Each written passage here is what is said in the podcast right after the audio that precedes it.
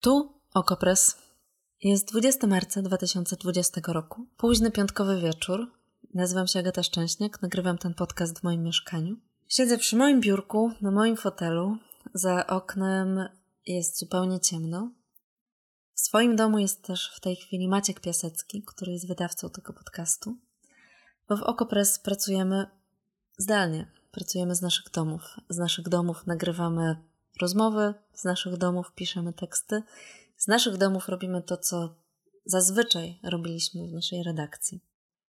Pewnie tak jak większość z Was stosujemy się do zalecenia zostań w domu, chociaż pewnie też wielu z Was nie może tego zrobić, bo wykonujecie taką pracę, która nie pozwala na to, żeby zostać w domu. Tak czy inaczej, trzymajcie się. E, I wybaczcie, jeśli ten podcast e, będzie jakości domowej.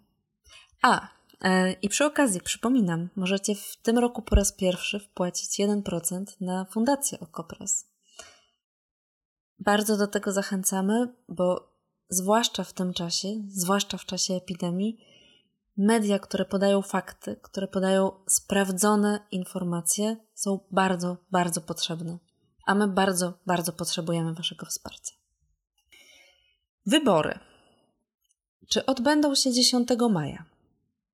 A może odbędą się w sierpniu, a może w listopadzie, a może odbędą się w maju, ale w 2001 roku, 2021 roku. O. Nie mamy już w Polsce stanu zagrożenia epidemicznego, tylko mamy stan epidemii. Z czym wiąże się stan epidemii? Przeczytacie na Okopres w tekście Daniela Flisa i Michała Danielewskiego. Natomiast ten stan nie wiąże się z przełożeniem wyborów.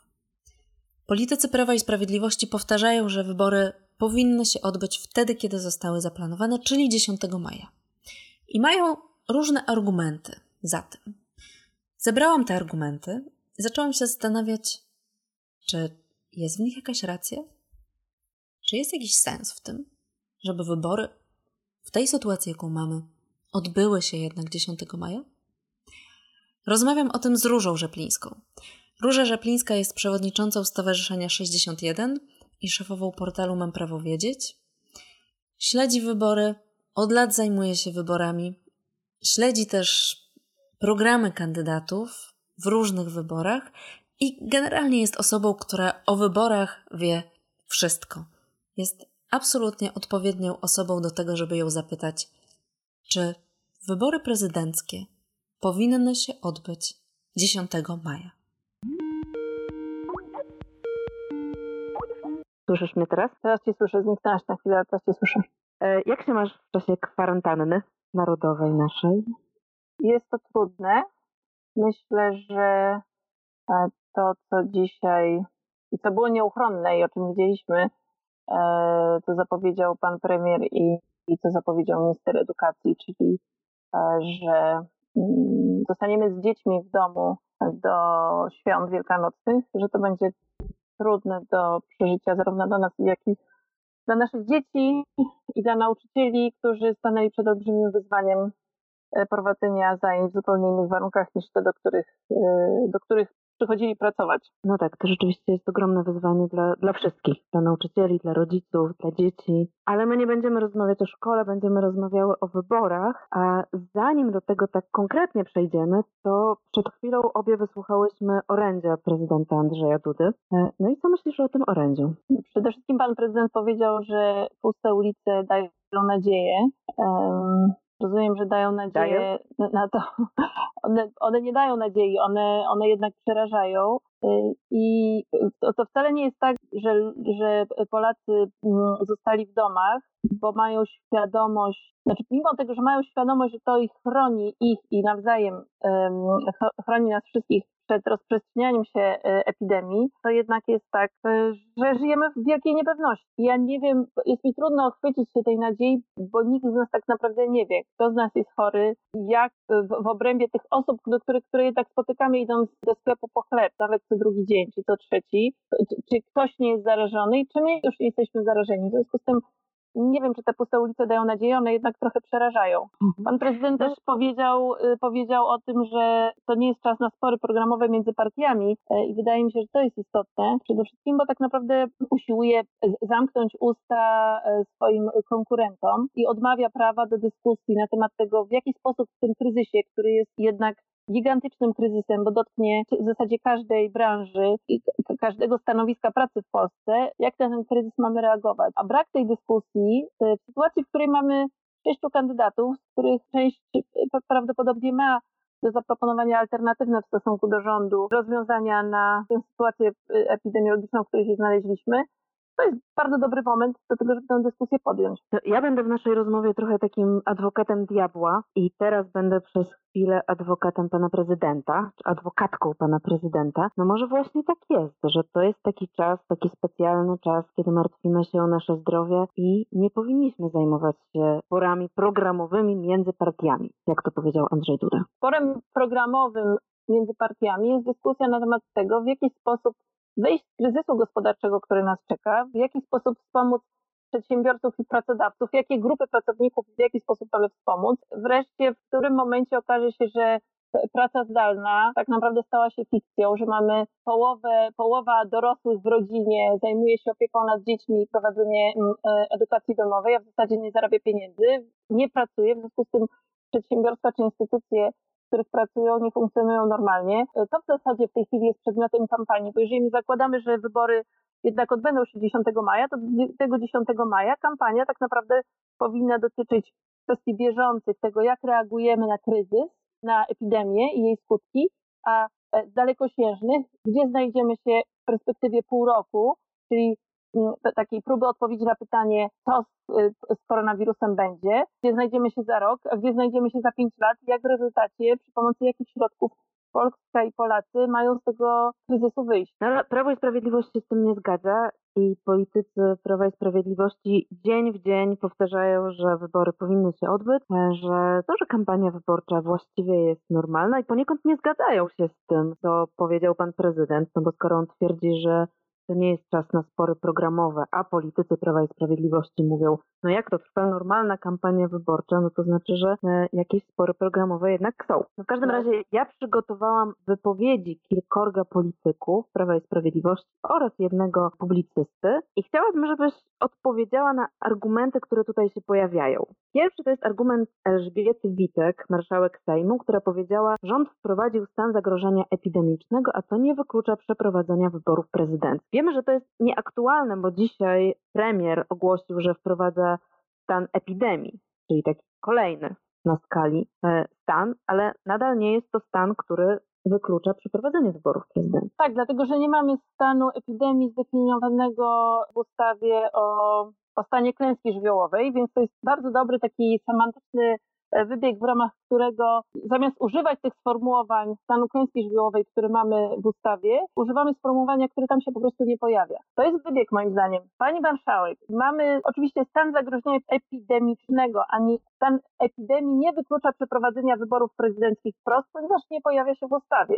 Nie ma się co oszukiwać, że stan epidemii jest stanem nadzwyczajnym, a w takim się w tej chwili znaleźliśmy i jest to stan klęski żywiołowej, wywołanej chorobą zakaźną, która implikuje pewne działania władz, które zostały podjęte, które ograniczają prawa i wolności obywateli w tej chwili. Bo przypomnę tylko, że to jest y, obowiązkowa kwarantanna dla osób powracających z kraju. To jest pewnym sensie ograniczenie wolności. To jest trzymanie pociągów y, na trasach międzynarodowych. To jest zamknięcie restauracji, kin, to jest zamknięcie sklepów, galeriach, czyli to jest ograniczenie prowadzenia działalności gospodarczej. Ja nie dyskutuję z zasadnością tych, tej decyzji. Ja mówię o tym, jakie, z jakimi ograniczeniami żeśmy się spotkali jako obywatele. To jest utrudnienie, nie ma wolności obrotu niektórymi produktami, dlatego że to jest kwestia tego, czy możemy na przykład sprzedawać, jeżeli jesteśmy producentem respiratorów czy środków ochrony dla pracowników medycznych, czyli e, kombinezonów ochronnych czy masek. Nie możemy sprzedawać ich za granicę, musimy o tym poinformować. Jest zakaz wjazdu dla obcokrajowców. Te wszystkie przesłanki mówią o tym, że mamy stan nadzwyczajny w Polsce, ponieważ podstawowe prawa i wolności, takie jak swoboda poruszania się czy swoboda prowadzenia działalności gospodarczej, zostały w imię obiektywnych przyczyn ograniczone. No to teraz rzecznik pana prezydenta, pan Błażej Spychalski, który powiedział tak: Mam 100% pewności, że państwo dzisiaj funkcjonuje normalnie w sensie konstytucyjnym. No ciekawe, co pan, panie y, ministrze, powie y, za tydzień, kiedy ma się odbyć posiedzenie Sejmu, w czasie którego Sejm będzie y, miał przyjąć ustawy, na mocy których rząd prowadzi tarczę antykryzysową. Sejm nie wiadomo w jaki sposób się spotka. Powinien spotkać się w sali sejmowej, może spotka się zdalnie, przez internet, nie Albo wiadomo. Na stadionie? Dzisiaj albo na stadionie. takie pomysły?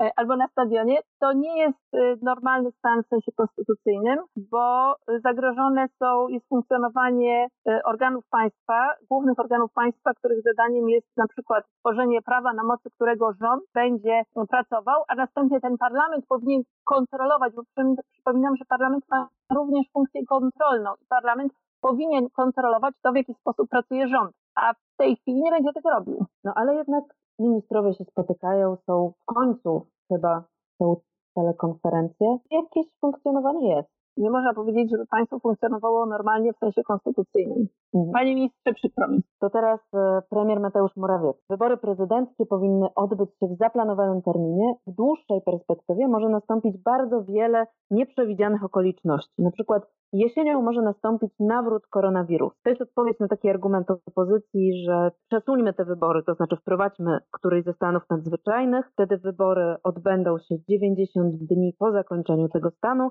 czyli prawdopodobnie późnym latem albo jesienią. No ale premier Morawiecki odpowiada, a nie wiadomo, co się będzie działo jesienią, może koronawirus wróci. Ja tu rozumiem trochę pana premiera, bo zgodnie z przewidywaniami prawdopodobnie koronawirus wróci w październiku, czyli wtedy, kiedy te wybory miałyby się odbyć. Ale, panie premierze, gdyby to było tak, że termin wyborów byłby w najbliższą niedzielę, to rozumiem, żebyśmy ich nie odwoływali. Natomiast nie prowadzimy w tej chwili, zdarzyły się właśnie te nieprzewidziane okoliczności. Kandydaci nie kwestionują tego, że, bo wiadomo, że przełożenie wyborów oznacza dłuższe sprawowanie urzędów, urzędu przez obowiąz- o, dzisiejszego prezydenta. Kandydaci z tym nie dyskutują w tej chwili, zdają sobie z tego sprawę. To oznacza przedłużenie pewnej władzy, ale w tym trybie, w którym jesteśmy dzisiaj, to właśnie są nieprzewidziane okoliczności, w ramach których wybory teraz nie mogą się odbyć. Tak jak być może nie będą mogły się odbyć w październiku, ale nie wiem, co będzie w październiku. Decyzje podejmujemy odpowiedzialnie na teraz. Dzisiaj te wybory nie odbędą się w trybie normalnym. Przypomnę tylko, że mamy nową Państwową Komisję Wyborczą, znaczy nowy skład członków Państwowej Komisji Wyborczej. To nie jest zespół, który jest obeznany w organizacji wyborów, a to na niego spadnie odpowiedzialność organizacji wyborów w trybie ekstraordynaryjnym, w takim, który będzie trudność z powołaniem członków komisji, e, obwodowych komisji wyborczych, trudność ze zorganizowaniem całego przyrządowania czy całego tła ludzi, którzy pracują przy wyborach, bo to przypomnę, nie jest około ćwierć miliona obywateli, tylko którzy nie to, że muszą, którzy decydują się na to, żeby te wybory dla nas przeprowadzić, będąc członkami komisji, ale również to są informatycy, to są pracownicy szkół, które muszą być otwarte na ten czas, to są właściciele prywatnych lokali, w których będą się odbywały wybory. To jest cała rzesza obywateli, która bierze udział czynny w tym, żeby, żeby dzień wyborów był dniem święta naszego wspólnego, ale były one przeprowadzane w sposób tajny, rzetelny i godny, taki, że będziemy mieć poczucie, że oddaliśmy głos i że on zostanie rzetelnie policzony. A jeżeli będziemy mieć na każdym etapie terminów, które w tej chwili gonią i nie mamy w gronie członków komisji, znaczy tam oczywiście są sędziowie, ale to nie jest zespół, który ze sobą pracuje od dawna i oni w takim kryzysie mają zorganizować wybory prezydenckie. Wydaje mi się, że to jest sprzężenie tych dwóch faktów już utrudnia, czyli epidemia koronawirusa plus nowa komisja y, wyborcza, Państwowa Komisja Wyborcza, będziemy mieć trudność z tym, żeby te dwa elementy ze sobą mogły tak sprawnie popracować, żeby wybory mogły być przeprowadzone. Zaczęłaś odpowiadać na argument Jadwigi Emilewicz, która powiedziała, dzisiaj przesuwanie wyborów wydaje się zdecydowanie bezzasadne, mamy prawo się poruszać, możemy chodzić do lokali wyborczych. Jadwiga Emilewicz, czyli minister przedsiębiorczości, która zasłynęła tym, że e, wcześniej mówiła o tym, że kryzys związany z koronawirusem e, bardzo się przysłuży polskim przedsiębiorcom. Mhm, to ja chciałam zadać pani minister, czy pani była ostatnio w urzędzie gminy albo dzielnicy załatwić jak, jakąś sprawę urzędową, ponieważ epidemia koronawirusa e, nie oznacza, że tylko ja, czy dziennikarze, czy pani minister pracujemy zdalnie, ale również część urzędników odeszła od biurek. Nie są realizowane wszystkie zadania samorządu. Wynika, wynika to z tego, że po prostu trzeba coś wybrać. Niektóre zadania są ważne, niektóre ważniejsze w tym momencie. Pani minister mówi, że jest o tym, że jest łatwość poruszania się. No zastanawiam się nad tym, czy jako osoba zameldowana w Parczewie i mająca e, prawo głosu tam, a na przykład za, załóżmy, że zaczęłam mieszkać w Warszawie w styczniu, że będę mieć łatwość w tym, żeby dojechać do Parczewa, nie mam samochodu, pobrać stamtąd dokumenty i móc głosować w Warszawie, albo odwrotnie, że, że tutaj zarejestruję się, y, przypiszę się tutaj do, do komisji wyborczej konkretnej i będę mogła głosować w Warszawie w sytuacji, w której urzędy nie pracują normalnym trybie, czyli nie mają pełnego obłożenia urzędników. Będę stała w bardzo długiej kolejce, tak jak dzisiaj to zresztą widziałam przed jednym z urzędów w Warszawie. Ludzie stoją od siebie oddaleni o dwa metry. To będzie wymagało naprawdę niesamowitej determinacji, żeby chcieć w tych wyborach wziąć udział. Oczywiście ponieważ nie chodzimy do pracy, no można powiedzieć, że każdy w ramach y, tego, tej chwili wolnej e, będzie mógł w tej kolejce stanąć, ale nie wiem, jak pracodawcy będą na to patrzyli, że zamiast pracować zdalnie, kiedy nasza firma i tak ledwo zipie, my idziemy stać w długiej kolejce do urzędu po, po zaświadczenie o prawie do głosowania w miejscu obecnego zamieszkania. Pani minister Emilewicz wyraźnie dostrzega taką jasną stronę rzeczywistości, bo ma jeszcze jeden argument, taki pozytywny argument bardzo za, za przeprowadzeniem tych wyborów e, i mówi tak. Zgodzimy się chyba, że taki trudny czas to doskonały moment, aby kandydaci zaprezentowali się, jakie środki oni stosowaliby w tej sytuacji. Wyborcy mają doskonałą szansę, aby ocenić kandydatów, ich działania, postulaty, propozycje. E, e, ale gdzie? W internecie, jak rozumiem. No, w internecie. O, no. organizują różne konferencje prasowe, o, oglądam prawie codziennie. A to Roberta Biedronia, a to Małgorzata Kitowę-Błońską, a to e, Władysława Kosiniaka-Kamysza, Szymona Hołownię. Wszyscy mają konferencje prasowe w internecie. Wysyłamy im pytania jako dziennikarze, odpowiadają. Ale pytanie, czy mogą tak samo odpowiadać wyborcy? E, no, my się, mam prawo wiedzieć, zajmujemy tym od lat, e, próbą namawiania obywateli do tego, żeby w okresie kampanii wyborczej e, próbowali na przykład nawiązać kontakt z kandydatami i zadać im pytanie w jakiejś ważnej dla siebie sprawie. Oczywiście można powiedzieć, że sztaby wyborcze powinny się teraz przestawić i w tym sensie pani minister ma rację. No oczywiście łatwiej posadzić do pracy zdalnej mm, grupę sztabowców, którzy do tej pory zajmowali się organizacją spotkań w terenie, do tego na przykład, żeby odpowiadali w imieniu kandydata na pytania zadane przez obywateli.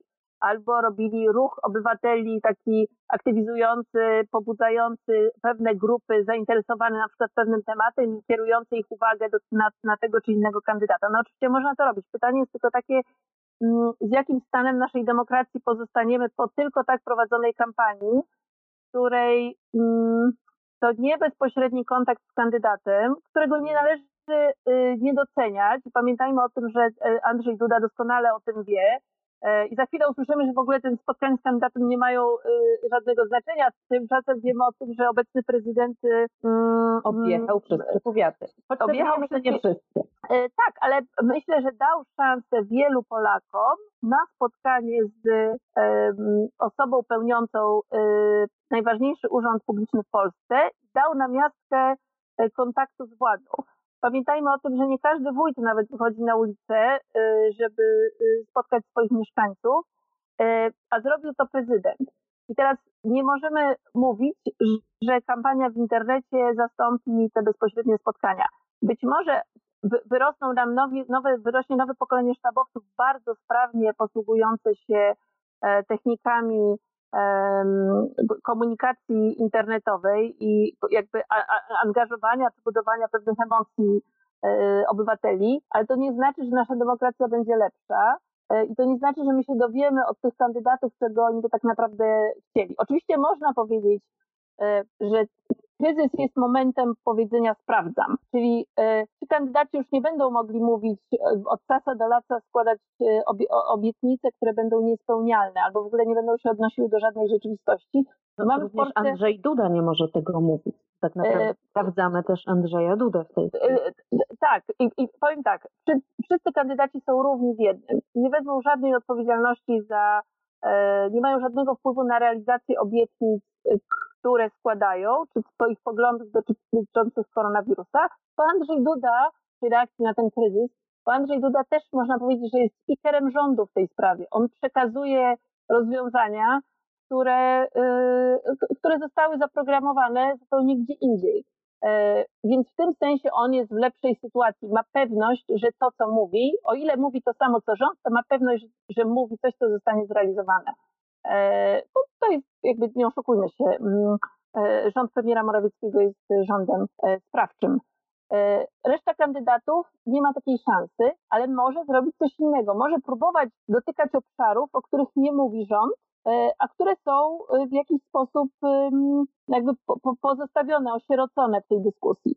Może próbować w inny sposób mówić o prawach pracowników czy prawach e, przedsiębiorców, czy sytuacji przedsiębiorców, ale mamy ten olbrzymi obszar pozostawiony właśnie organizacji polskiej edukacji, ale także tego, w jaki sposób reakcja na kryzys epidemiologiczny wpłynie na polskie samorządy. To znaczy, mm, na ile konieczność finansowania przez nie różnego rodzaju zabezpieczeń obywateli czy e, firm, e, przedsiębiorstw z terenu, spadek e, podatków, konieczność dofinansowania szpitali, sfinansowania szkoleń dla nauczycieli, sfinansowania innego sposobu działania ośrodków pomocy społecznej, na ile ten kryzys na przykład właśnie dotknie samorządów chciałabym zobaczyć, że e, kandydaci e, niezwiązani z obozem władzy potrafią znaleźć takie obszary, mm, które definiują trochę inne problemy albo naświetlają inne problemy, bo oczywiście rząd naświetlił ten podstawowy problem. Jak padną firmy, to generalnie małe i średnie przedsiębiorstwa, to Polska po prostu leży. Zostały mi dwa argumenty. E, jeden od wicepremiera i ministra kultury Piotra Glińskiego, który powiedział coś takiego. Skala zagrożenia nie, e, taka nie jest, ale być może za dwa tygodnie będzie taka, że trzeba będzie podjąć inną decyzję. E, I powiedział jeszcze, intensywność tego kryzysu nie jest tak duża, żeby trzeba było w tej chwili odwoływać wybory. No i właśnie to jest ten kłopot, panie premierze. Bo intensywność Jak tego kryzysu. Intensywność tego kryzysu nie jest tak duża, bo mamy raptem kilkaset zachorowań, ale intensywność tego kryzysu jest olbrzymia, ponieważ w 24 godziny zmieniliśmy nasz tryb funkcjonowania jako obywatele jako członkowie społeczeństwa. Ten kryzys z tego powodu jest, on jest niesamowicie intensywny, e, dlatego że fizycznie zmieniło się nasze funkcjonowanie e, e, w rodzinach, nasz, nasz codzienny tryb życia. W chwili, kiedy rozmawiamy, jest 425 e, potwierdzonych przypadków koronawirusa i 47 tysięcy osób objętych kwarantanną. E, jest mnóstwo osób, jeszcze kolejne tysiące, kolejne dziesiątki tysięcy objęte nadzorem, podejrzanych i tak. Więc to są dziesiątki tysięcy osób. No i dochodzimy do ostatniego, do ostatniego argumentu, nie ze strony polityka, tylko ze strony publicysty Michała Karnowskiego, który napisał tak. Patrząc chłodno, opozycja słusznie uznała, iż nie zanosi się na jej sukces. Czyli zdaniem publicysty Michała Karnowskiego e, opozycja nawołuje do zwołania czy wprowadzenia stanu nadzwyczajnego, przełożenia wyborów, ponieważ uważa, że wyborów nie wygra w maju. No i co mm. pani Różo pani zrobi z tym argumentem? No panie redaktorze, no tydzień temu pewnie tak było, że opozycja klasnęła w rączki i pomyślała, o, znaczy nie mamy szansy wygrać, prezydent Andrzej Duda znaczy w, obliczu kryzysu społeczeństwo organizuje się wokół tego, kto daje poczucie siły sprawstwa i tego, że nas uratuje. Wydaje mi się, że jednak jest to minister Szumowski i premier Morawiecki, ale pan prezydent, wracając do naszej wcześniejszej rozmowy, jakby zbudował y, wśród swoich wyborców, ale pewnie kolejnych wyborców, no takie poczucie czy wizerunek polityka, który interesuje się obywatelami, więc będzie z nimi. On, on z pewnością jest blisko.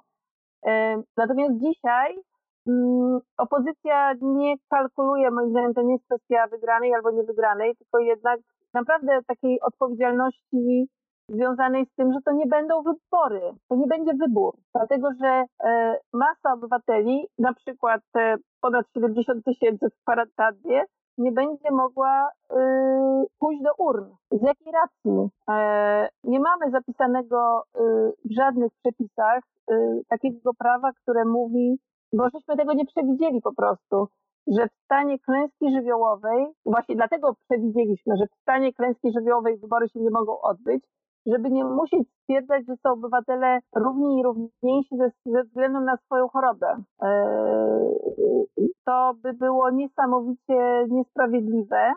I z tego powodu też jeden z kandydatów, e, na przykład Władysław Kośniak-Kamysz, wręcz mówi, żeby założyć, że wybory będą za rok. I to jest uczciwa Myślisz, deklaracja. To jest dobry pomysł? Mm. Myślę, że zostawienie takiego, e, on, oczywiście ja bym chciała, żeby wybory się odbyły w terminie. E, ale to jest raczej niemożliwe. Po drugie, chciałabym, żeby się odbyły w pierwszym możliwym terminie, czyli prawdopodobnie na początku października. Ale może być tak, jak mówi pan premier, premier że będzie to szczyt yy, zachorowań.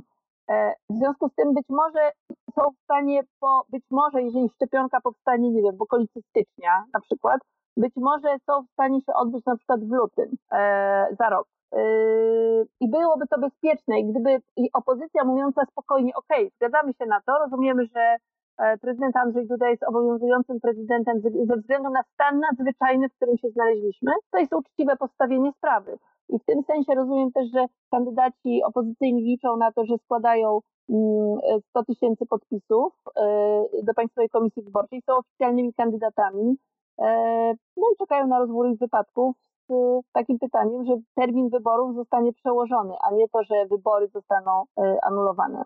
A oni a będą ten, cały czas grze. Mhm. A ten pomysł, który się pojawił również u nas, mówiła o nim Sylwia Gregorczyk-Abram, że jeśli dalej będzie się upierało Prawo i Sprawiedliwość, żeby te wybory przeprowadzić w takiej sytuacji, jaką mamy, to kandydaci opozycji powinni się zjednoczyć i solidarnie wszyscy wycofać się z tych wyborów. Co myślisz o tym?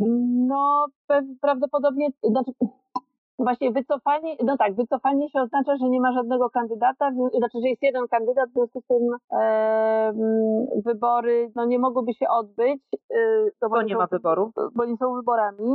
E, warunek, który musi być spełniony, to to, że kandydaci muszą być siebie pewni. E, e, kategorycznie, znaczy w tej chwili wszyscy, wszystkich pięciu kandydatów tych, jest z głównej szóstki, czyli Robert Biedroń, Krzysztof Bosak, Szymon Hołownia, Władysław Kośniak-Kamysz i Małgorzata Kidawa-Błońska mówią, że wybory należy przełożyć na późniejszy termin. Jedynym, który mówi, że nie, jest Andrzej Duda. Pytanie, czy żaden z kandydatów, tych tam około 30, którzy się złożyli, e, zgłosili do Państwowej Komisji Wyborczej, nie złoży tych 100 tysięcy podpisów, bo wydaje mi się, że wtedy będzie trudno mm, z tym kimś dyskutować. No, zobaczymy, co się stanie za tydzień kiedy minie termin e, składania e, podpisów, e, jak kandydaci wystąpią, w jaki sposób będą się być może wspólnie chcieli skomunikować z obywatelami, bo na razie no jednak prym wiedzie premier Morawiecki i tutaj strona rządowa, która nadaje ton tej dyskusji. No i tak jakby kandydaci opozycyjni pukają do drzwi i mówią, hej, hej, wybory chyba się nie mogą odbyć, ale rząd mówi, ale o co chodzi, wszystko działa, Mm, to jest stan e, najpierw epidemiczny, potem stan epidemii, natomiast jest to stan nadzwyczajny. W związku z tym przyjrzyjmy się, co będzie za dwa tygodnie, ile będziemy za, mieć zachorowań. I tak przez te dwa tygodnie będziemy żyć w niepewności. Plus jest taki dla nas obywateli, że to zmusić powinno mm, tą piątkę kandydatów do aktywności, do próby komunikowania się z nami i tłumaczenia, dlaczego stan, w którym się znaleźliśmy, jest wyjątkowy, jakie to ma skutki dla demokracji, ewentualne przeprowadzenie do, e, wyborów, jakie skutki dla demokracji ma częściowe ograniczenie wolności, w którym się znaleźliśmy e, i jak powinniśmy pamiętać, żeby z tego wyjść. E, jakie skutki dla demokracji ma to, że również dziennikarze siedzą w domu i nie jeżdżą za bardzo po szpitalach, nie sprawdzają, jak jest realizowany stan kwarantanny przez służby na przykład i czy ci ludzie nie wychodzą bardziej masowo niż tylko to media donoszą o tych pojedynczych przypadkach, e, że być może za rok i w tym sensie wracam do twojego pytania, czy to nie jest, jak rozumiem, niebezpieczne, czy to jest dobry pomysł ten rok, że być może za rok obudzimy się w kraju przyzwyczajonym do e, stanu nadzwyczajnego do stanu nadzwyczajnego y, i do ograniczenia wolności w imię naszego bezpieczeństwa. E, I pytanie jest takie, czy w tym bezpieczeństwie jest tak przyjemnie i błogo żyć, czy też jednak wolność która zakłada pewną trudność w ułożeniu się nawzajem, możliwość komunikowania swojego niezadowolenia. Czy ta wolność nie jest tak naprawdę stanem dla nas pożądanym i naturalnym, w którym lepiej się nam funkcjonuje niż w tym stanie bezpieczeństwa, ale tak naprawdę bardzo ograniczającego naszą taką naturalną potrzebę funkcjonowania w społeczeństwie wolnych ludzi.